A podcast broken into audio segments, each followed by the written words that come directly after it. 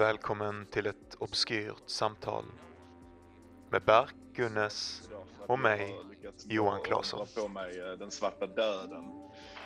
Eh, att jag är alltså döende. Eh, jag går igenom en djup andlig upplevelse de här senaste dagarna. Jag var, eh, jag är riktigt taggad för tre dagar sedan. Tränade like a motherfucker, var ute och sprang en timme. Eh, tränade i gymmet en timme. Eh, cyklade till eh, eh, Kallis, kallbadhuset här i stan. Eh, kallbadade, det var inte så kallbada nu, det är nästan bara vanligt bada, men badade och bastade eh, med några av mina boys. Eh, så när vi gick därifrån så hade jag lite ont i halsen. Så sa jag så här att eh, fan det här, för det har jag varit med om någon gång tidigare, jag bara shit ibland kan verkligen kallbadet aktivera någonting i, Mm, mhm igen. Det är nästan som att man känner lite förkylningssymptom. Eh, och, eh, och sen så drack vi lite vinare och skulle, jag skulle hänga hos en polare på hans balkong och snacka lite skit. Jag skulle bara hem och hämta Belse för att vi skulle köra en långnatt. Så kom jag hem hit till eh, lägenheten. Eh, Belse är helt panikslagen, så jag eh, måste gå ut med honom först och han har megadiarré. Och det är, det är blod i diarrén. Fan. Jag bara, nej vad fan är det här? Eh, Jag hade varit lite lös i magen tidigare på dagen. Så kommer jag hem igen efter honom och så går jag in i vardagsrummet och så upptäcker jag, han luktar bajs. Vad fan har han gjort? Eh, och då har han alltså diarréat under köksbordet, eh, Nej, över hela jävla golvet.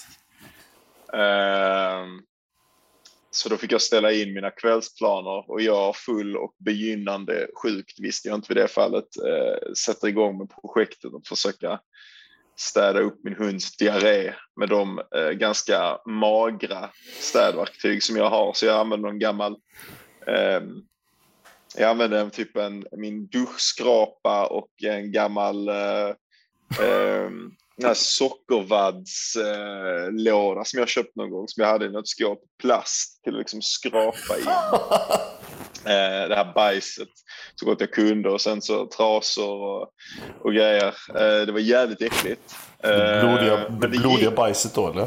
Ja, men det var, då var det inte blodigt faktiskt. Det bajset under bordet, det var inte blodigt, det var bara riktigt löst. Eh, det var som världens sämsta chokladpudding som inte hade nästan någon eh, eh, soliditet överhuvudtaget, mest var vatten. Eh, och sen eh, eh, ble, visade sig att Gud hade fler utmaningar för mig eh, lined up. Så jag eh, blev extremt febrig där eh, på natten.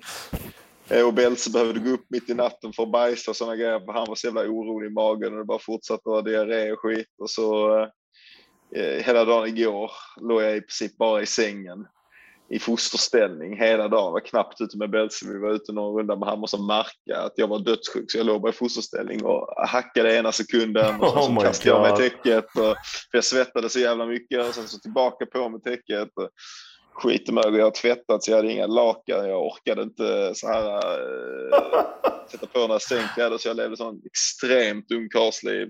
Äh, och äh, bara svettades naken, mådde skit. Hallucinerade äh, på natten för att jag liksom gled så här hypnagogiska hallucinationer. Där jag gled fram och tillbaka mellan vakenhet och sömn. Och blev liksom saker som pågår i mitt liv då som kommer. Det är riktigt mysig Eh, typ av grej tycker jag när man väl har, när man efteråt. Ja, Sån det, var lite, typ. det, det har varit lite spiritual, fast mest om nätterna. På dagarna har det mest varit piss. Alltså, även om det var faktiskt rätt gött att inte göra något jävla ting igår. Eh, inte ha en tanke på att skriva någonting, inte ha en tanke på att städa någonting, inte ha en tanke på att göra någonting. Eh, och sen så då eh, natten till idag hade jag nog den högsta febern jag haft i mitt liv. Men jag var för febrig för, för att hitta min termostat. Jag började leta efter den ett litet tag men jag kunde knappt gå.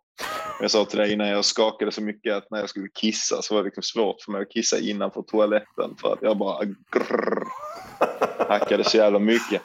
Eh, men idag mår jag lite bättre om än som man kanske hör eh, jag är lite låg i energin. Det är kul hur det, hur det blir så ibland typ känns det som när man har haft sådana psykiskt liksom jobbiga perioder. Så plötsligt får man en sån här fysisk liksom eh, eh, reaktion på något sätt som sen när det blir som Ja. det, det påminner lite om när jag hade min tandoperation och så hade jag den här febersituationen efteråt och så var det som en sån grottövning. Du vet Ja. eh, stenålders situation typ genom den här mörka grottan efter man har svalt någon helig kopp av någonting Ja, just det. hallucinerande. Ja, precis. Är det inte, så, är det, inte det som är liksom lite grejen med ayahuasca? Jag har aldrig provat, men eh, så här, jämfört med liksom LSD eller något sånt som för det mesta bara är lite ball, så ayahuasca där är liksom en, en grej. Är att det är så när man spyr och skit under Exakt, tiden som man pippar. Exakt. det har liksom en, Ja, en ja. djupare andlig dimension till sig och man också mår alltså fucking P medan det händer. Det kunde jag känna igen. Jag har känt mig, jag har känt mig eh, är som en liten färd eh, typ, visst? Ganska andlig. Ja visst, absolut. Det har känts... ehm, eh, ja, det har inte varit så farligt. Alltså, jag har inte lidit så mycket. Eller jag har, det har varit, det har, alltså, jag har mått extremt dåligt. Kanske, jag kan inte komma ihåg senast. Det känns som att jag inte har mått så här dåligt sedan jag var barn kanske. Eller eh, någon gång eh, i tidiga tonåren hävdar morsan att jag också... Men jag brukar liksom aldrig bli jätte, jättesjuk. Men det, det Så- vissa är så att när de väl blir sjuka så blir de CP-sjuka eller ingenting typ. Är det, är Jag blir du? ganska... Ja. Nej, jag, jag kan vara lite sådär, alltså jag har, får ofta en en bihåleinflammation och så, det gör ju ont i huvudet, men det är inte as, eh, aspåfrestande liksom. Men det här var, har ju verkligen varit, och, alltså igår var jag på riktigt orolig ett tag. Det gick liksom igenom mitt huvud, jag bara oj hur jävla mycket kan detta bli? För då hade jag tagit Ipren, så Mhm. min feber var redan nedsatt. Och alltså det kändes, alltså min hud nästan brände liksom. Och jag, jag bara, hur jävla varm kan jag vara egentligen? Kan du man kan- vara så här jävla varm? Du kanske inte ska vara själv när det händer nästa gång. Du får ju fan skriva till mig eller någon annan så att man får typ ha koll på dig. Alltså, jag har redan Men det kontakt med du- mina föräldrar. Ja, ja, men de bor i Glumsla. Tänk så hade du dött. Tänk så- Nej, det hade varit otursamt. Då hade Belse fått äta min kropp sen efteråt. För att överleva. Vi testade det med Det här vår katt en gång när, när min tjej la sig ner för att testa vad som skulle hända om, om hon däckade eller trillade eller svimmade eller whatever. Och den här jävla katten började bita på hennes panna direkt. Alltså de har ingen lojalitet de man gör. Alltså man kan inte tro att de, det betyder någonting för dem. Så fort du dör så vet de vad de måste göra. Det är inpräglat Ja. i deras DNA. De kommer Ja. äta dig. Att de skulle respektera en kropp. De skiter väl i symbolvärdet av din kropp. Du är inte där. Belse skulle aldrig äta mig när jag är där. Jag tror att han hade ätit dig och sen eh, bajsat jättemycket också efteråt. Ja, han blivit dålig i magen. Han blir dålig i magen av allting. Alltså, som inte är hans... eh, Vad sa veterinärerna då? Nej, det var, det var liksom, han hade blod i överföring då, men de sa att det såg ytligt ut och inte som att det hade gått igenom digestive tracket, vilket är det man alltid oroar sig för, för då indikerar det ju en blödning högre upp i tarmarna. Mm. Ehm, vilket jag tror liksom kan indikera cancer eller att de har fått i sig spik eller något sånt där. Mhm. Ehm, men det var det inte. Right. Ehm, så att, så att den, den delen är bra, men det är därför som vi inte kan spela in på plats det är, denna veckan. Det är synd, jag har sett fram emot, eh, jag har sett fram emot det. Det kändes som att förra avsnittet, fast det var skitjobbigt, och ändå har varit jävligt eh, uppskattat. Så det kändes Mm. gött att göra ett sånt, ett sånt avsnitt igen. Mm. Många som har hört av sig till mig och sådär. Ja, ja, såklart. Jag vet. Och för många som säkert fick reda på det genom podden också på ett sätt. Som Ja. jag. Vilket är lite kul. Men ja, jag tänkte att vi skulle prata lite om hur det har gått. Typ hur du har mått sen dess. Om det är någonting som har, som har ändrats eller vaknat upp hos dig. Eller liksom förändrats i ditt sätt att se på det. Och jag vet också att ni träffades och så. Så jag, jag var nyfiken på det. Men sen. Ja, Det hade varit kul kanske att sammanfatta lite nu och sen komma tillbaka till det om två veckor igen och så en sån månads eh, postmortem på Johans breakup. Jag, undrar, jag undrar, nej, så jag, vet fan, jag undrar om hon hade lyssnat på den här, på, eller vad fan det var. För att hon, eh, hon hörde ju av sig till mig Ja, eh, och ville träffas igen och reda ut lite frågor. Okej, okej. Alltså, vet fan, vet fan vad hon ville med det. Alltså, det, var, det var typ fint, men det var ju typ också skitjobbigt. Eh, och jag, jag, vet, jag, jag kan liksom inte riktigt bestämma mig om jag tycker att det var sunkigt av henne. Mm. Sättet hon gjorde det på nu i efterhand. Eller om det var fint. Det var fint om vi var där. Nu grät jag en jävla massa medan vi var tillsammans, vilket jag då inte gjorde den gången. Och jag sa ju att jag ville ha tillbaka henne och grejer. Mm. Eh, men jag upplevde att jag ändå var liksom... Eh, det gjorde ingenting som kändes, för mig i alla fall, patetiskt. Eller som att jag liksom bjöd ut mig själv mer än vad, jag, vad som kändes ärligt eller sådär. Men Mm. eh, jag trodde ju att det liksom igen, att det skulle finnas någon väg tillbaka eller någonting, eller en möjlighet till en väg tillbaka eller något som vi kunde jobba på. Vi pratade också om sådana grejer, vad vi skulle göra om vi någonsin, om vi skulle bli tillsammans igen, vilka, vad som var fel i vår kommunikation eller någonting. Mhm. Men så var det liksom, hon ville mest bara säga kändes det som, eller anledningen att jag var där, det var bara för att höra från henne att eh, anledningen att, att hon hade gjort slut med mig. För första gången så var det ju väldigt fokuserat på att hon bara tänkte mycket på att lämna hela tiden och det har hon gjort hela tiden. Den här gången så var det då att hon ville säga att hon kände att det var någon sida av henne som hon aldrig kunde visa mig. Okej. Det är nytt. Eh, det är nytt. Och eh, också att eh, hon inte ens visste hur hon skulle formulera frågan om eh, vad det var som, som saknades. Alltså hon visste liksom inte ens om hon kunde säga Mhm. vad det var som saknades. Mhm. Och var där bara och då så typ en känsla i henne som hon inte... Ja, hon har haft en känsla att hon Ja. behövde vara ensam. Liksom. Det var väl en fortsättning på den känslan. Så egentligen sa det ingenting nytt. Men det här eh, liksom introducerade ett frö i mitt huvud som sen blev asjobbigt dagen efter. Okej, vadå? Ehm, dagen efter hade jag en riktig kris som liksom delvis har att göra med henne men också har att göra med liksom ett större mönster i mitt liv. Ehm, och det har varit den enda riktigt jobbiga dagen ehm, i hela den här processen där Mm. jag verkligen var. Och det var fuck you jobbigt alltså. Ehm, Vad hände då? Nej, jag blev, det var som att min hjärna fastnade i en loop med den här tanken att det, det, det, var något hon inte kunde, någon del av henne som hon inte kunde visa mig. Okej. Vilket ju liksom bara på ett grunt plan ehm, känns jättejobbigt. Därför att det är klart att det finns saker som jag inte har visat henne och jag vet inte, men jag, på den nivån av liksom, tilltro eller det stället i vår relation, liksom det, på det vi har byggt så har jag ändå känt att vi har varit så jävla nära Mm. och trott att vi var så jävla nära. Mm.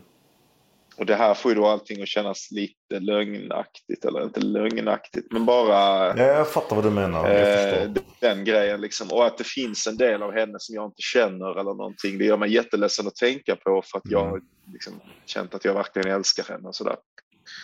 Eh, men sen så var det också, jag hade en, en riktig jävla kris över, det kopplade an i mitt huvud till en grej som min förra föregående tjej sa ganska sent i, i vårt förhållande när hon kom till mitt jobb. Jag jobbade på en krog då. Hon kom in på krogen och var asledsen. Jag tror att jag hade varit dålig på att svara på sms för jag varit på jobbet eller någonting. Hon hade blivit arg på det. Sen kom hon in på krogen och var nästan i panik liksom. Okej. Och sa till mig att, att, att eh, hon, eh, hon var så jävla ensam i vårt förhållande. Okej. Um,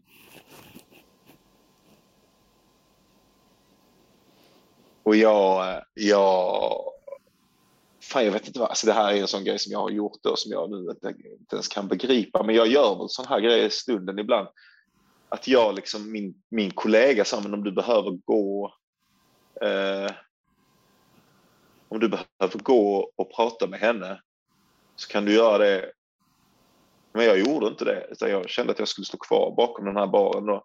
Mm. Och jag liksom stod, liksom lyssnade på henne och tittade på henne med någon slags, vad jag tyckte väl empatiskt ansiktsuttryck. Och jag tror att jag liksom verkligen kände att det bara fan vad jobbigt, det här är någonting vi kommer prata om sen eller det här är någonting vi kommer att beröra. Eller något. Men jag, fan. Eh, men jag gjorde inte det och sen så efter ett tag så hon bara, nej men det är lugnt. Eh, och så gick hon och det där har väl framstått i mitt huvud liksom i efterhand som, som en av de liksom verkligen avgörande Mm. såna, en, en, en, en, punkt i någon slags förfall. En av de gångerna som bekräftade för henne varför det inte gick, Ja, ja, absolut inte gick att stanna kvar. Liksom. Ja. Och då kopplade dessa grejerna an och sen kopplade det an till en känsla som jag har med många av mina vänner. Ehm, det finns vissa saker som man inte pratar med mig om. Okej. Ehm, Alltså folk i allmänhet inte pratar med dig om. ja, intressant. och som liksom är... Jag vet inte om det här är sant, det är nog inte det. För sen har jag liksom haft vänner som har varit jättefina, som jag har pratat med om det här. Där liksom alla har varit jävligt, liksom så här, nästan som att det är självklart att de här problemen ligger hos Ella. Och en, och, ja, hos ja, ja, hon, folk som lyssnar på den här podcasten vet ju hon är, vad fan hon heter. Eh, hon har varit med till och med. Eh, folk... Um,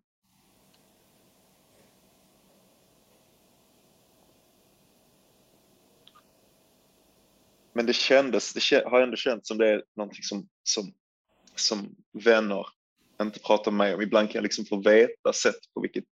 Alltså jag kan höra, inte direkt, men bara om sånt som, som liksom mina vänner vet om Erik till exempel, då min bästa vän eller min närmsta vän. Så där. Eh, som andra vet om honom som är mycket med nya vänner, så där, som jag inte vet. Eller, och det liksom på andra sätt också. När vi hade, jag, Erik och en kille som heter Filip, när vi det är ju, då, den, de vänskapen är brutits numera, men, men förr var vi jävligt tajta, vi tre tillsammans. Och då, eh, då var det också som att ibland var det som att jag kunde få reda på liksom att de hade pratat om vissa saker som man aldrig skulle säga till mig. Mm. Och jag till och med tänkt på det ibland med du. Jag vet inte riktigt vad du har sagt grejer till. Alltså jag får, liksom, har fått höra James, jag har inga exempel nu liksom, med saker som, som du har sagt James, som bara shit det här skulle Bark aldrig säga till mig. Mm. Eller var inte på det här sättet eller någonting. Mm. Och det kanske bara är så att man inte säger allting till alla, så är det väl. Liksom. Ja, ja. Och det kanske är orimligt för mig att veta. Och Det här kanske också bara är en mental eh, struktur då, men alla de här sakerna fick eh, någon slags, de kopplade samman till ett stort nätverk Ja, eh, i mitt huvud. Eh, och det kopplade i sin tur samman med liksom en av mina fundamentala skräcker i livet, vilket är eh, känslan som jag har haft sedan åtminstone tidiga tonåring, kanske tidigare, om att det bara är något fel på mig. Mm. Att inte jag är människa på samma sätt som andra människor är människa. Liksom. Att det saknas någonting fundamentalt Mm. som gör att jag aldrig kan komma nära andra människor på riktigt. Liksom. Ehm, Du känner dig då, då typ isolerad, frånkopplad från andra människor när Det- du känner så eller? Ja, men jag gör ju inte det alltid, för jag har ju uppenbarligen känt mig nära då ehm, till Ella. Eh, det är så här, men det som, den känslan som du gjorde den här gången. Eh, nu blir det en pretentiös koppling här, men jag kommer göra den ändå. Den franske psykoanalytikern Lacan eh, har ett koncept som heter det reella. Eh, som han liksom på olika sätt, jag har hört folk beskriva det som liksom så här, det, det, det, det är den nostalgiska, det är det poesi pekar mot, det är det mystiska, det är det som inte går att representera, Mhm, inte, inte går att inordna i en symbolisk mhm. ordning i ett, i ett tecken. Man kan inte peka på det direkt utan man kan liksom bara eh, på något sätt eh, liksom indikera det i, i, någon slags detaljer och traumat till exempel eller psykosen Mhm. befinner sig väldigt mycket i den här, alltså, man kan inte få ihop det, man kan inte Mm, vad man gör när man försöker bearbeta ett trauma till exempel, det är att man på något sätt försöker begripliggöra hur det här kunde hända överhuvudtaget. För det, det låg så utanför ens världsbild, PTSD, liksom, att, att, att man, kan inte, man kan inte passa in det här i någonting. Mhm. Men det är också någonstans som, som han beskriver det, eh, eh, eh, ett annat sätt, för det finns då många olika saker som tillhör det här det reella. Eh, och han kallar också det det omöjliga. Och ofta är den här saken när den bubblar upp i oss, alltså den kan vara fantastisk men den kan också vara väldigt skräckinjagande för den verkar liksom indikera en mycket större verklighet, en obegripbar verklighet bortom våran fiktiva eh, ordnade konstruktion mitt i allt kaoset som livet egentligen är. Och jag fick någon sån känsla av det reella i förhållande till det här som saknas mig. Mm. Alltså det är obegripbart, det är omöjligt, det är, jag kan inte komma åt det, det finns inte i mitt huvud eller i min kropp att komma åt den här grejen som alla andra människor har Mhm. och som gör alla andra människor nära. Mhm. Ehm, men som gör att jag inte kan älska eller komma nära en människa på det sättet som människor vill ha och som jag vill ha, Mm. men som jag kanske är oförmögen Mm. till.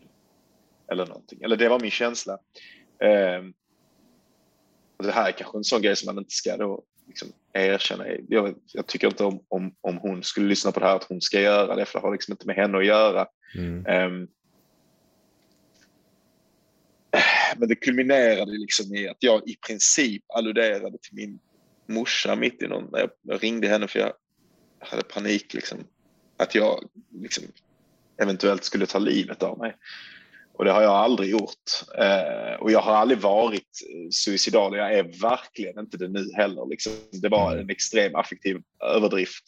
Och jag Men Paniken fick dig att komma i de banorna Ja, men- liksom, eller? Och det, men det är ju så att när jag sa att jag har levat suicidal, alltså jag har ju tänkt på självmord i hela mitt liv. Mm. Eh, alltså begrundat självmordet i hela mitt liv. Suicidal tänker jag är att när man står i begrepp att faktiskt göra det och det känner jag Mm. aldrig att jag har varit nära. Jag har, alltså det har aldrig kommit till den platsen där jag annat än liksom som en filosofisk eller, eller eh, jag är inte ens filosof, alltså det kan ju vara bara så här, men m- måste jag? Men det som jag kände, eller det jag sa i princip var bara att jag fattar inte det, det fortsatte väl på det här spåret med liksom och anstränga sig och anstränga sig och, och i, i skrivandet och i livet och i allting. Att, att, ehm, och med, med förhållanden och att jag, jag kände att jag fattar inte riktigt hur länge man ska orka eller någonting. Och det har varit på något sätt kopplat till den här känslan av det reella, att jag liksom bara kanske aldrig kommer en annan människa nära. Eh, Och så, och det, men det var ju, Mm. jag ska säga, jag ska Mm. säga det, att det var ju en övergående kris.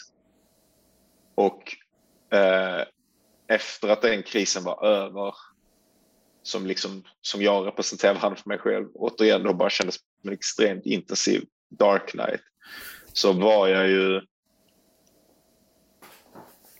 fine och har varit fine. Jag har varit fine genom hela tiden. Men jag, är, jag har känt att jag måste göra någonting. Och på ett sätt har det varit skönt för det som bubblade upp ur mig då och det som jag tänker att är att okej, okay, det är det här jag måste jobba med nu. Det är att jag fortfarande, trots all meditationen, eh, trots allt mitt sökande, trots att jag fortfarande skriver, trots att jag liksom har lyckats med vissa grejer och sådär. Det finns ett, eh, det finns ett djupt självhat i mig. Eh, att jag verkligen hatar mig själv. Som jag lägger band på varenda gång jag är i en relation. Mhm. Jag behöver inte konfrontera när jag inte behöver träffa eh, nya människor och måste skämmas för vem jag är varenda gång. Liksom. Och det är på något sätt kopplat till den här, och jag har träffat, jag har träffat tjejer som vi, som vi gjorde slut. Liksom, sådär, så det är inte, men eh,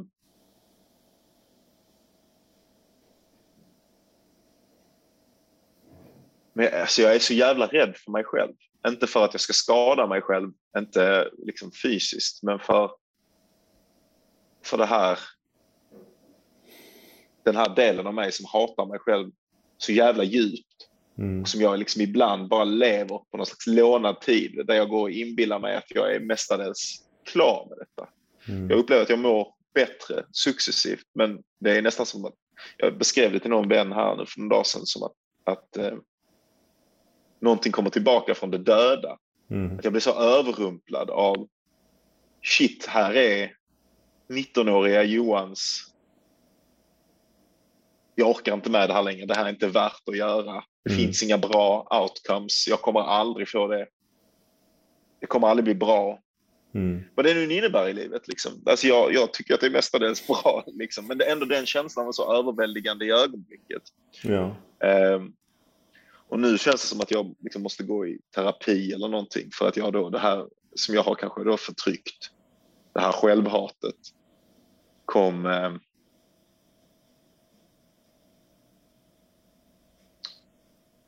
kom och bara rullade över mig. Liksom. Eh, med, med en extrem kraft. Mm. Ja, det låter jätte, jättejobbigt. Och eh, du, du kommer oroa min mamma. Din mamma oroar sig alltid. Jag mm. lovar att jag inte är manisk och jag lovar att jag inte är suicidal. Jag tror också att jag har gjort, eh, ett sånt där, jag har gjort ett sånt där blippframsteg i eh, meditationen igen. Så att eh, din mamma har all anledning att, eh, att tänka exakt samma sak som hände mig sist. Det har hänt igen, och det har det gjort. Hon är där för dig om du behöver henne. Ja, det är inte en jävla tur. Jag behöver någon som är det. Grejen är att alltså, typ, jag, jag, jag vet inte om jag har upplevt någonting som liknar det du beskriver. Men jag har definitivt haft den här känslan av att um, här är jag i en någorlunda hälsosam, glad period i mitt liv. Och så plötsligt så kommer det små antydningar i periferin om det riktiga. Det som bubblar under ytan. Det som du kallade att komma tillbaka från det döda. Typ någonting, någon riktig bark eller riktig känsla som är onåbar. Ja. Alltså jag kan inte comprehenda den. Jag kan inte titta på den. Den är bara fruktansvärd. Och den får mig också känna, som du säger, typ om den här kommer tillbaka, alltså då kan jag inte. För att den är så läskig typ. Um, ja. Och då, och då brukar jag oftast beskriva den som en sån här impending sense of doom. Typ. Jag vet inte om du, om du kan typ känna igen dig i den känslan. Men som att någonting fundamentalt är fel i hur jag är uppbyggd. Och att det bara kommer leda ja, till, men... till doom. Alltså typ så här, till, till förödelse på något sätt. Bara så här, en känsla av här är jag på väg till eh, gränsen av ett vattenfall eller någonting. Och jag kommer bara falla ja. långt, långt, långt, långt, långt, långt, långt, långt ner. Uh, men vad som typ stillar mig när jag har den känslan är väl uh, att när man har den så är det det enda som existerar. Men efteråt så tänker jag väl att den är lika uh, flyktig och tillfällig som typ alla andra typ känslor som, som man kan ha. Som inte alltid nödvändigtvis behöver vara sanna. Det är bara att den råkar vara mer typ potent för att den är emotionellt bunden. Alltså jag, jag, jag bara så tänker här är det känner, visst? Ja. Så här är det absolut och är det alltså hela min liksom, livsåskådning, religiösa åskådning, allting bygger ju på att om man låter det skölja över en mm. med någon sorts vakenhet liksom. Och så finns det en möjlighet till att släppa det och det finns också en möjlighet till att liksom se, se, saker som måste fortsatt jobbas med. Liksom. Mm, mm, uh, så att, så att jag, jag håller helt med att, eh, att eh, det både har potential och, i sig, eller det var inte du som sa, det var jag som sa, men att, och sen att det är övergående. Liksom. Att, att jag kan se att det är övergående och det var ju bara um, det var ju bara då, det var bara de timmarna. Sen har jag även, liksom, även i all den här feberyran och allting eh, så har inte hon kommit upp speciellt mycket eller det här har inte kommit upp speciellt mycket utan det är liksom bara en slags standardsorg. Jag var lite sorgsen nu precis innan vi skulle podda för att jag tänkte att vi säkert skulle prata om detta och jag tänkte på den här grejen igen då med mm. eller då, då, det var kanske då det första gången formulerades med att shit, hon säger att det finns en del av henne som hon inte kunde visa mig och nu kommer jag aldrig få uppleva den delen. Mm. Uh, det kopplar ju såklart an till dödsångest och till tanken att människor är unika i förhållande till en och att jag på något sätt har förlorat eller försummat någonting unikt och, och vackert för att jag skulle ha gjort på något annat sätt eller varit på något annat sätt eller så.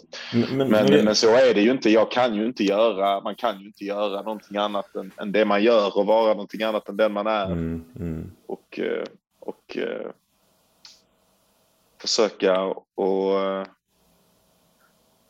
och lära sig. Jag önskar kanske att om hon, nu när hon sa något sånt som att jag vet inte, jag önskar, jag vet, det finns någon del av mig som önskar att, att hon hade kunnat formulera det mm. bättre så att jag förstod vad det var så att inte det här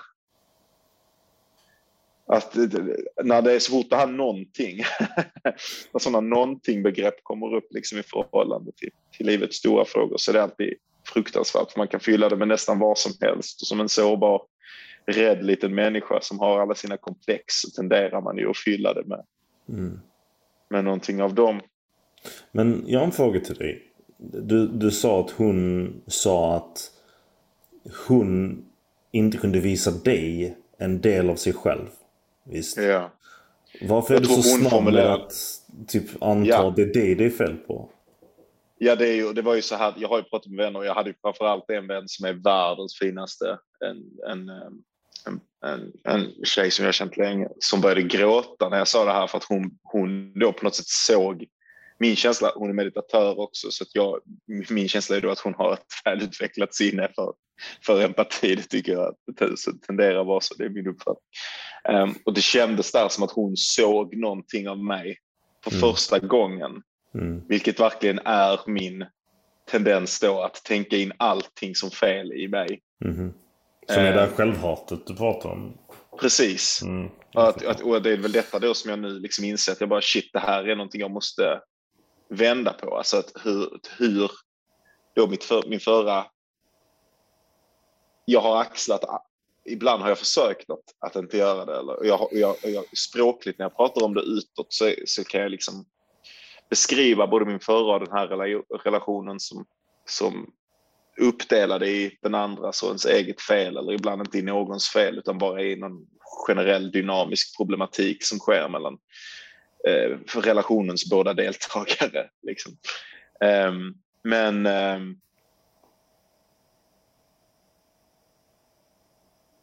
men, ehm, men även fast jag säger det och pratar på det sättet så är nog min interna logik eller min interna känsla som jag då måste slåss med hela tiden eller försöka komma över på någon vänster. Um, ja, men det är väl att jag är, är ond eller dålig eller dålig partner eller dålig på, alltså så här, det, det, det är att, att, eh, att det är fel på mig på en så djup nivå att det kanske aldrig går att fixa. Och det är ju till och med då sådana här grejer som att, att eh, att jag inte har tillräckligt fint i lägenheten eller någonting. Att, att det kan få... eh,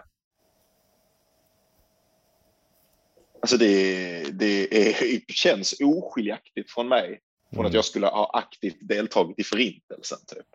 Så att det är så här, min hjärna, min hjärna lyckas göra detta till alltså att jag är den värsta människan. Jag har inte tillräckligt fint i min lägenhet och det gör mig till alltså, en bov av, eh, av universella mått. Alltså. alltså, jag vet inte, alltså, det är helt sinnessjukt. Liksom. Det är en fin Och jag vet inte hur jag- också. Ja, jag vet inte hur fan jag ska, jag vet inte hur man gör för att sluta. Jag vet inte hur jag, och även om liksom det finns någonting som, som är liksom mitt fel, så tjänar jag ju ingenting på att, att lida av det Nej, den men- graden som jag gör. Men jag, jag är nog världens lättaste person att gaslighta. Alltså, att om någon, eh, om någon eh, lyckas få någonting att verka som... Alltså så här, om någon annan människa har en säker känsla, även om deras säkra känsla liksom grundar sig i någonting som liksom saknas i dem eller, eller som grundar sig i deras lidande. Så har jag en tendens att, att verkligen förkroppsliga och, och ta det an, ta det an mig i mig själv. Det här har vi vet sett. inte... Fan. Ja. Det här har vi ju sett när man, när man exempel väldigt på låtsas skojar om att du tappar hår exempelvis. Så finns Ja, det en visst. sån enorm rädsla typ att det är sant. Även om det finns i mitt tycke i alla fall ingenting som tyder på det. Men, dåligt exempel. men, det, men det är ju ändå en, en, en grej som så här pekar på hur mycket vikt du lägger kanske på andra människors bild av dig. Undrar du vet... Allt. Allt. Det är Till den grad att jag drar mig undan från folk. Jag tror att, jag, tror att jag har blivit lite så här, eh, alltså jag, är, jag, vet inte, jag är konst, en konstig person att säga, kalla enstörig, för jag har ju hur mycket vänner som helst. Mm. Men, jag, liksom, men, men ehm, jämfört med många, alla de andra vännerna, alltså jag är ändå inte så här, jag har inte kontakt med någon annat än när jag dyker upp. Jag dyker alltid upp efter, efter de andra. Jag är liksom på något sätt inte med lika mycket som alla de andra. Eh, jag, tror, jag tror att det är för, för att, att, att, att andra människors blickar på mig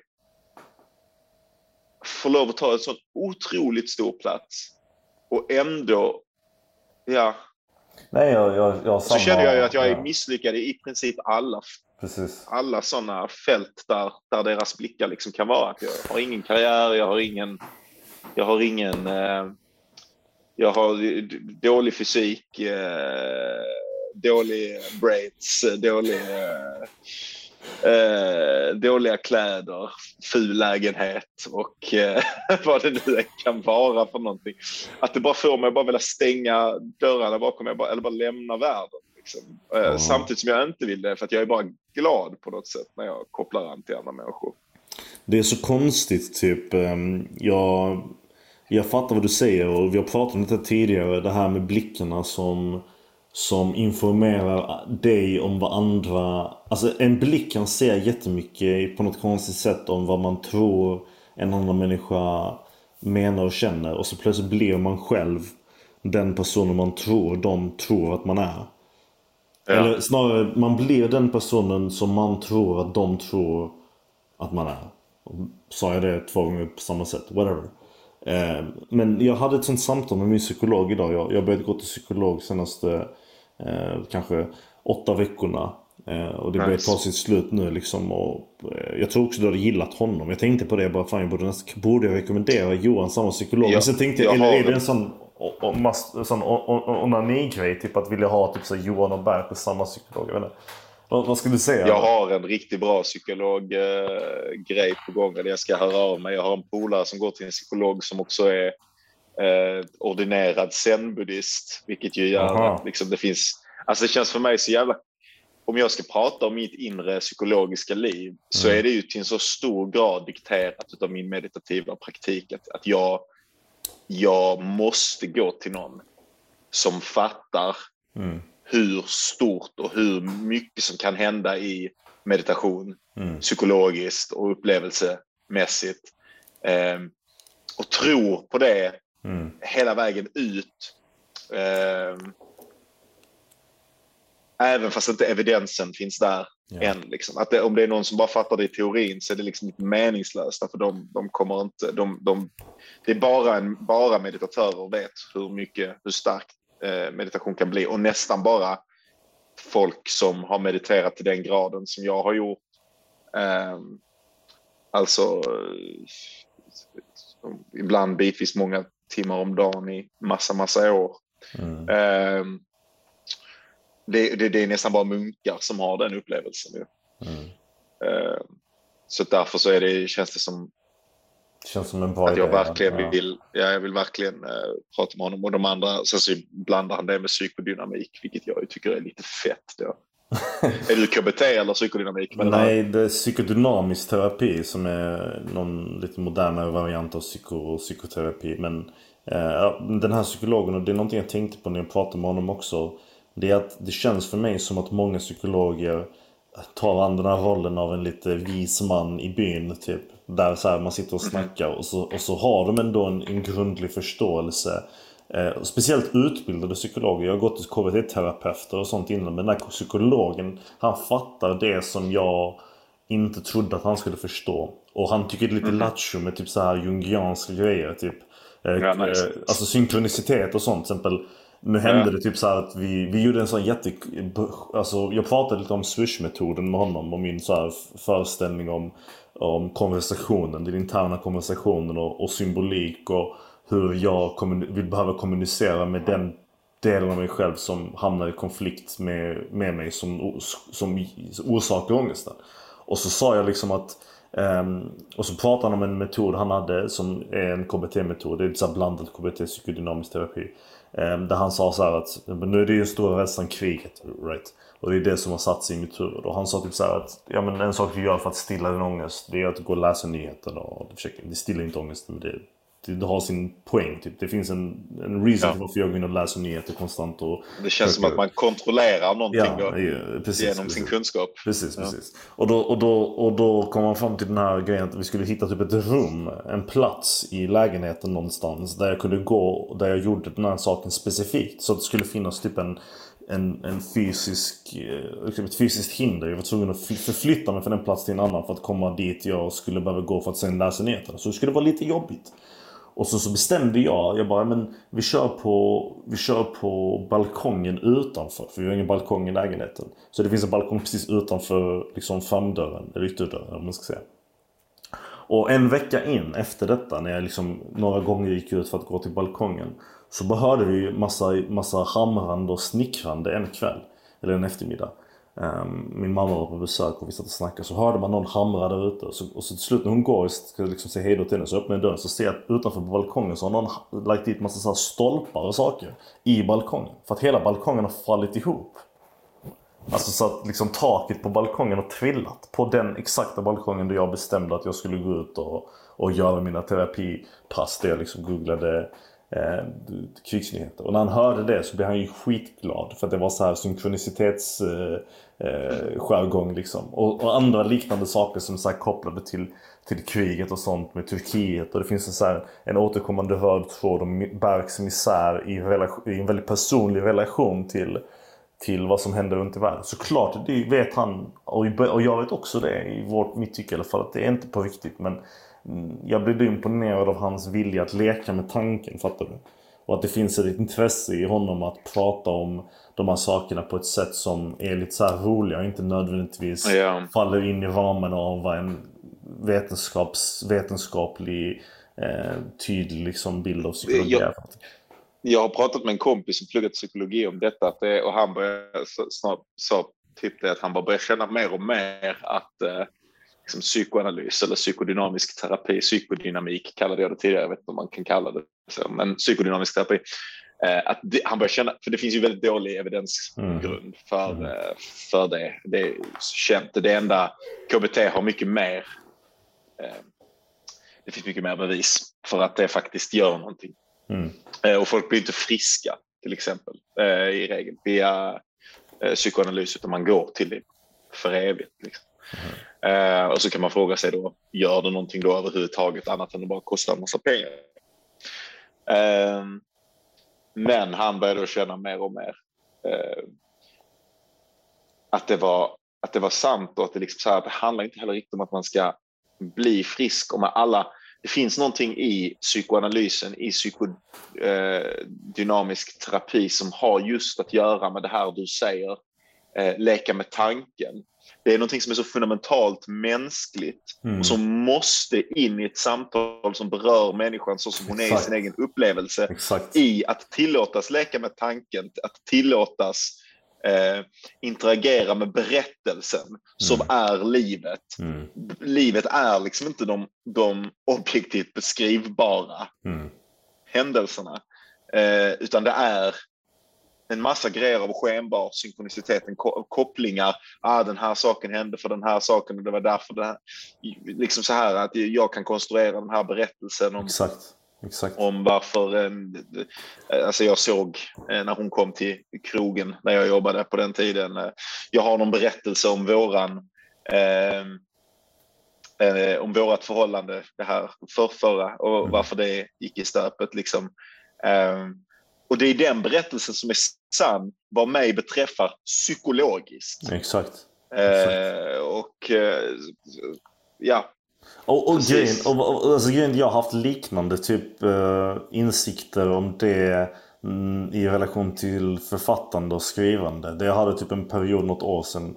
Jag har nog pratat så mycket om det men jag kände typ Fan alltså Det är någonting som inte kan konkretiseras eller Eller vad man ska säga kanske kvantifieras i ett skrivande eh, När man pratar om Om riktigt berättande. Att det finns ett element av magi Alltså jag kallar det magi för att det, jag kan inte konkret förstå och ingen undersökning kan fatta varför någon dikt jag läser eller en text jag, jag, jag får uppläst till mig har en effekt på mig. Det finns ingen vetenskaplig förklaring och det kommer aldrig finnas tror jag som kan förklara det.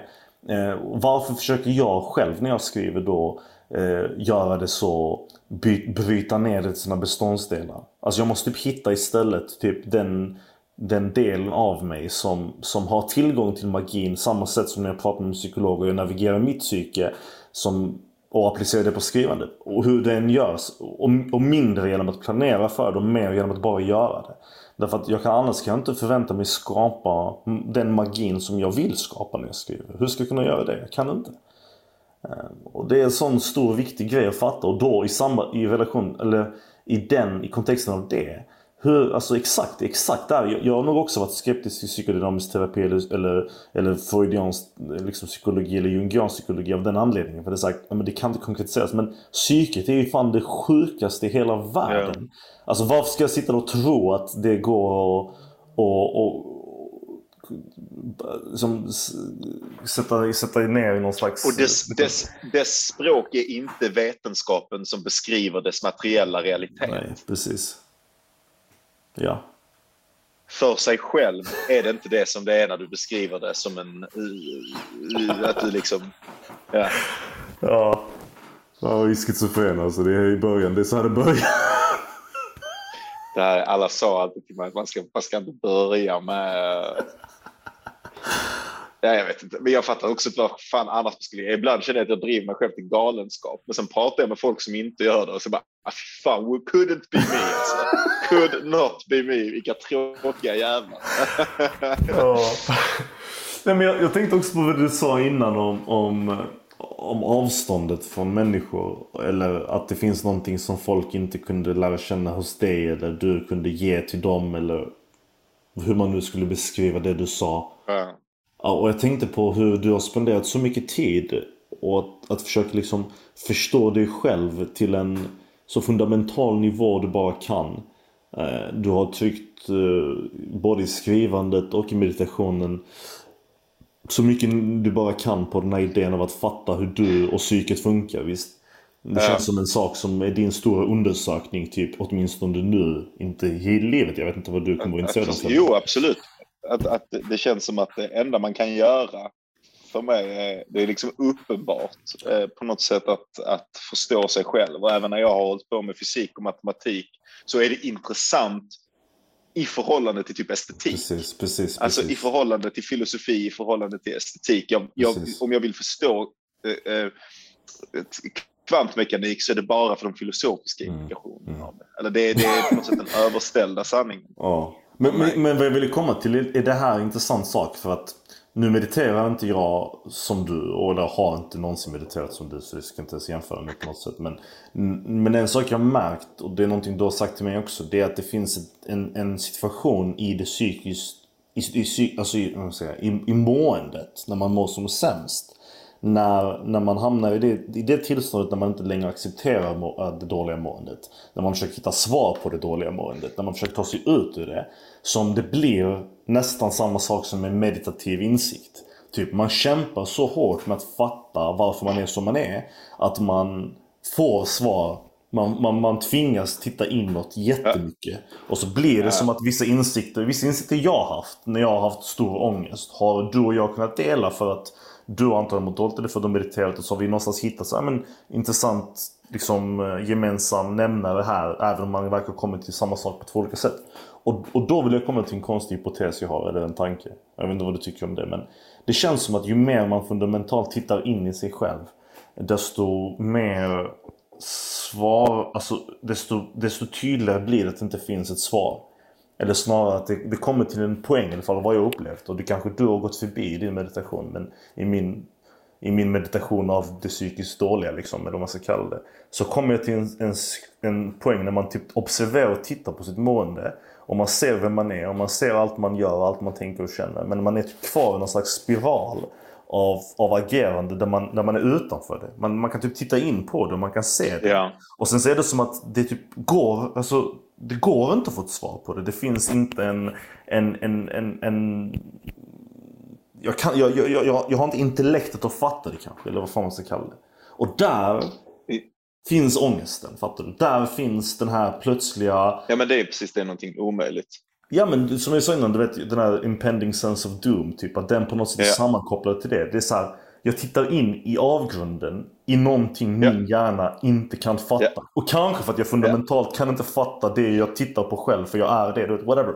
Men eh, det är ju det, det läskiga liksom. Och kan det vara så i alla fall att det här du känner när du inte, att det inte finns en koppling till, mellan dig och andra människor. Att du har tittat så hårt in i avgrunden. Du har tittat så, så åter, otroligt djupt in i dig själv. Att vad du ser är den separationen. Fattar du? Att, det, ska- att det, du, du tydliggör den separationen skitmycket. Och eftersom du har tydliggjort den så har du formulerat den på något sätt. Du har inte förklarat den men du kanske har formulerat den. Och den skillnaden är därför alltid synlig för dig på sätt som inte kan beskrivas i dina relationer med andra människor. Alltså, när du tittar på, på Berk och, och James så ser du en fullständig relation. Men din relation, den är separerad mellan det här membranet av oförklarlighet som är ditt psyke, eller alla människors psyke. Det är bara att du har tillgång till din oändlighet och din oförklarlighet, men inte till James och Berks. Så du ser bara någon slags... Ja. Det är också la- lakanskt, men ja, det är absolut. Är det Slavoj eh, Zizek-boken som Edvard skickade? Ja, just det. Det var fett. Så, så vill man ju kunna skriva, men det, det kan vi inte, Nej, kan vi nej, inte nej. visa här, så vi behöver inte dippa in i det under podcasten. Men, eh, men, men eh, ja, det är möjligt. Det är möjligt att det är så.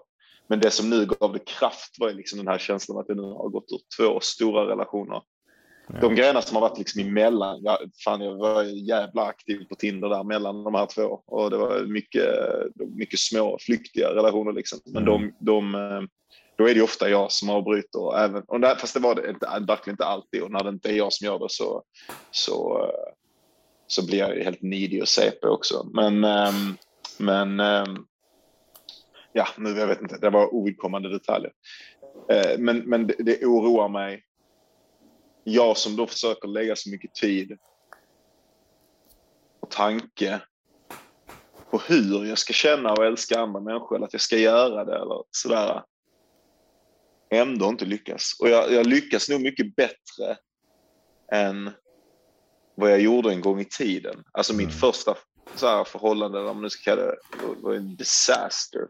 Och alla mina tidigare, alltså jag började ju verkligen skitdålig. På, jag, har gjort, jag har gjort alla jävla fel man kan göra i relationer. Liksom. Eh, och varit så jävla, gått sönder så jävla många gånger. Eh, av den ena saken efter den andra. Ehm.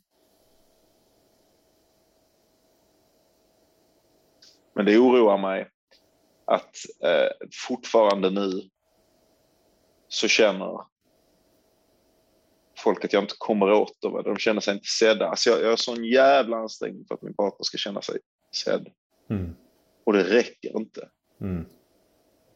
Och så blir jag liksom cynisk. Jag bara, Mm. men vet de själva vad de vill? Alltså är det, det handlar kanske inte om att, att bli sedd. Det kanske inte ens är det här. Det finns en, en del av mig. Nu, det här är feta brasklappar på detta. Jag är i ett sårat ställe Mm. där, jag, där min hjärna liksom går i alla riktningar. Så det finns liksom, liksom någon slags grej mig som, som bara vill säga, "Men fucking tjejer vet inte vad de, alltså de vet inte vad de vill ha. Det här är på, det är på något sätt ehm, och så tycker jag såklart inte på en, på en djup nivå. Man kan inte göra den sortens generaliserande beskrivningar. Jag vet det och jag tycker det och jag har sett det från både levd erfarenhet och jag fattar det eh, intellektuellt och allting. Men, men eh, Kan, det, kan, det vara, kan det vara så att du har typ felaktig data? Alltså på det sättet att din statistik är typ skev. Du... Du... du det är det här jag inte kan veta. Det är ju detta Ja. som är det läskiga. Det är liksom eh, det är, det, är ju, det är ju här i skräcken ligger. Att det bara känns som att det är någonting jag inte har sett. Och det är någonting jag inte ens kan konceptualisera. Men vad jag menar egentligen med det, det är, det är att du, du hamnar i relation och i vänskapsförhållanden eller miniförhållanden, vad du vill kalla de här in between perioderna på Tinder med människor som är lik dig. Alltså de, de, du är biased på det sättet. Du hamnar i relationer med folk som har någon Ja. fundamental grundläggande grej som du också har. Eh, Så ett sökande. säkert. Visst, så att du kan inte, det finns ju ett, argument som kan, som kan tas att du inte, du inte kan göra bedömningen om att du, det ligger någonting fundamentalt hos dig på grund av det. Hur vet du? Alltså, jag, jag, skulle, jag skulle ju aldrig kunna vara med någon som inte har någon rastlöshet i Ja, själen. För de skulle ju heller aldrig fatta vem jag är. Alltså de skulle ju aldrig, allting jag skulle hålla på med, eller allting jag håller på med, som Mm. jag tycker är liksom livets absoluta kärna, Mm. eh, skulle ju bara vara trams för dem. Varför Mm. kan du inte bara chilla och ha det gött, skulle de fråga mig. Och, ja, jag, kan inte, jag kan inte svara på det. Det är Ja. den sista frågan. Den sista frågan man kan svara på. Liksom. Ja. Då, då, och då kanske svaret är, jo men nu kan jag nog det. Men fram tills dess så, så, så är man ju frågande. Men du har ju ett an- ditt ansikte är ju väldigt chilla och ha det gött. Alltså du ser ju ut som en chilla och ha det gött kille. Det är också det som kanske är problemet alltså. Du, du har en sån här lite så här, har en, ty, en glatt, uh, gör, så här, bara en sån nice grabb. Ja, det var fint sagt av dig. Det uppskattar jag. Ja. ja. Det är fint Johan att du, att du delar med dig eh, med de här, de här tankarna har. Det är, det är läskigt. Jag hoppas att det är roligt för någon att det inte bara är min jävla gratis... Eh, att jag tvingar dig att vara min eh, hobbyterapeut och så laddar vi upp det här och så ska folk lyssna bara. Vi får, vi får göra någon mer konceptuell eh, podd snart. Men nu har det varit... Men det, fan, det känns så jävla... Vad fan ska man med allt det konceptuella till om det inte till slut berör det lilla och mänskliga Exakt. och individuella och Precis. temporalt bestämda? Alltså jag har alltid tyckt att det här, den här podden ska handla om ärlighet.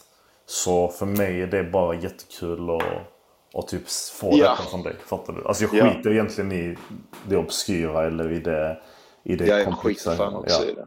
Jag vill bara, bara Alltså, mer och mer- det här och fatta liksom vem vi är mer och mer, ju mer, ja, visst, ju mer och mer jag skriver och allting sånt så är det ju liksom det som allting kollapsar ner i. Att till slut Mm. bara är man vill åt det som är sant eh, och mänskligt och eh, i någon mån då litet men i eh, men i någon annan mån universums blomma. Mm. Jag hade en konstig, jag läste Knasgård några månader sedan. Kingen. kamp. Ja, The big exakt. boy. Och han, han Vår gör ju största litterära geni. Han gör ju Det verkligen så. det, där. Alltså han gör ju verkligen det här ärliga på ett jättebra Ja. sätt tycker jag. Alltså som eh, man inte ser riktigt i Han verkar vara han är lite grisig med sina tjejer. Men Ja, han, men- är en, eh, han är en king. Ja, Det är de allihopa. ja men, men skit i det. Men jag menar, jag menar alltså åtminstone skriver han det. Fattar du? Han, han säger han säger han ser sin grisighet och han pratar om sin grisighet. Och, han, och, han, och jag, jag, kan, jag, kan, jag kan tycka det är fucking fett alltså.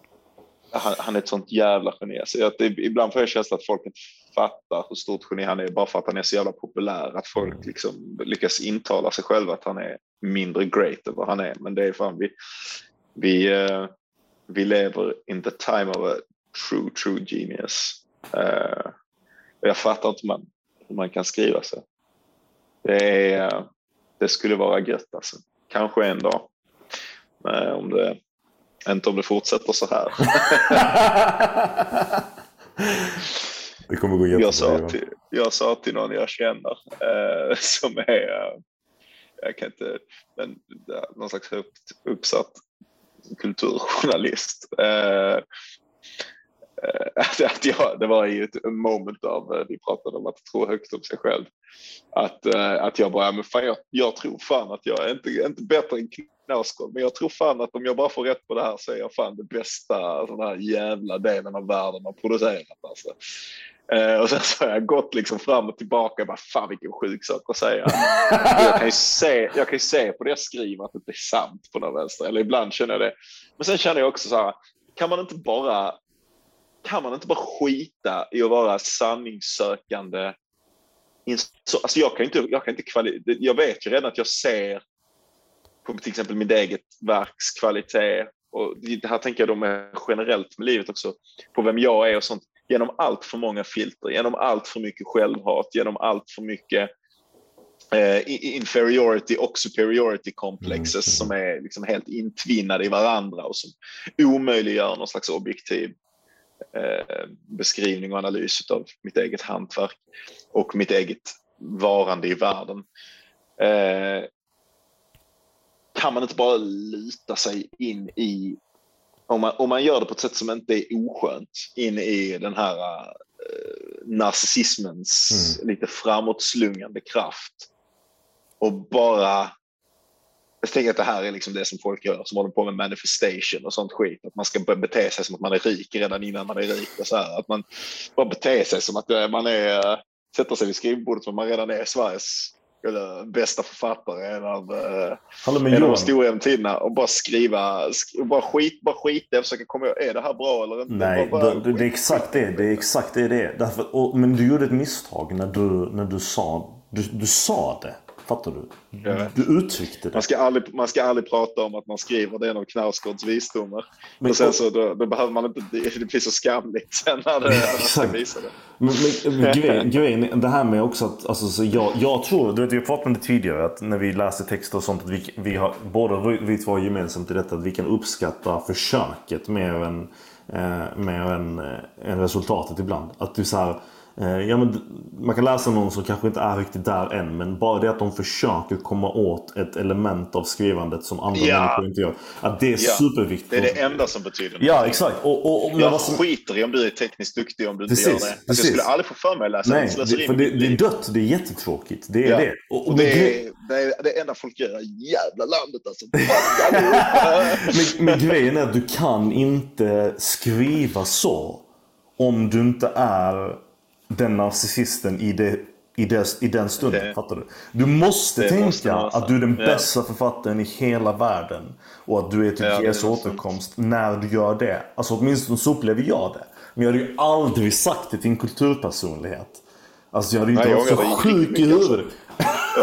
Nej, jag vet inte så mycket. Alltså, vi har tänkt att vi jag pratade i en kontext av, av ett samtal som, eh, där det var liksom lite tillåtet. Ja, ja, ja. Det Och det är säkert någon som själv- Alltså. Om jag vet vem det är så är det ju en person Ja. som själv har, säk, alltså som är på, har varit på samma ställe, eller är på samma ställe. Så, så, så vad fan. Alltså så vad fan.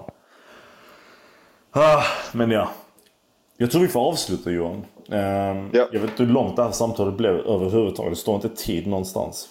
Men Vad bra. eh, det var skitkul. Det var jätte, jättetrevligt att prata med dig. Dessa- Detsamma. Knäpptyst i disco. Vilken jävel. Nej, nej, jag skojar. Nej, det funkar inte så Johan. Det funkar inte så. Jävla nazist. Alltså jag ser lite ut som Ned Flanders. Alltså, det är Ja, jag tänkte på det innan. Mustaschen är kraftfull alltså. Jag, jag funderar på att raka av den men samtidigt så har jag fått så mycket attention från tjejer så undrar jag om inte det är bara mustaschen. att, Du eh, måste, du kan absolut inte raka av den. Den är skitsnygg. Den ger dig karaktär.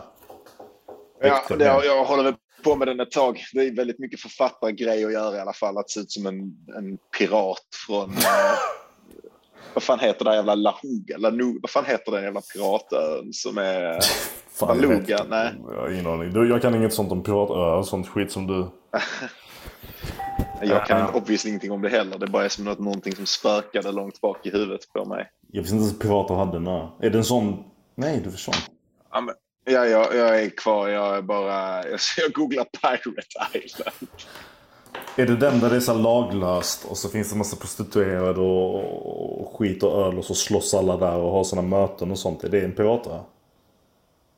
Alltså jag vet inte fan ens om det är en riktig plats eller bara en sån mytisk plats. Det bara finns ett sånt ord som... eh, Men eh, kanske Tartuga. Tortuga. De har ju Ja, Pirate sånt Island i Malmö som är sån Laserdom-liknande.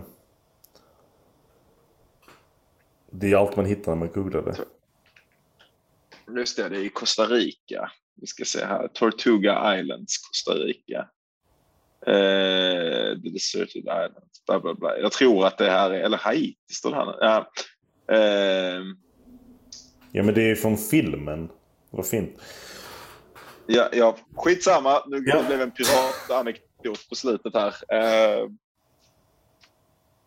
Här, det är från en roman, Kapten Blod, som utspelar på 1680-talet. Där kallas guvernören Ja, ja. bla bla bla. Ja, och sen har det dykt upp på en massa jävla ställen. Exakt, exakt. Jag tror det bland annat är med i uh, Pirates of the Caribbean. Va? Ja, men jag vill bara Varför säga... uttalar man det så? Det heter ju Pirates of the Caribbean. Men Ja. man säger alltid Caribbean. Jättekonstigt. Ja, jättekonstigt. Jag vill bara säga, du ser inte ut som en pirat överhuvudtaget med den mustaschen. Det finns ingenting som ser piratigt ut med den. Men det är att jag också har en sån här jävla... Så, men det ser man inte i den här kameran. Jo, man ser. Man ser. Ja. Den lilla, lilla kalufsen där. Alright. Mm. Tack för en, eh, en trevlig kväll. Vi ses så... Om du, om du får hög feber igen så snälla skriv eller någonting. Så åtminstone har Nu koll. dör jag. Nu dör jag skriver jag innan jag, innan jag går jag, jag, jag, vill, jag hade blivit jätte, jätteledsen om du dog en kväll. Ja. Det hade varit så jävla bullt alltså. ja. Okej, hejdå. Puss hej kompis. Eh, och tack för att ni lyssnat. Ja, hej. Hej.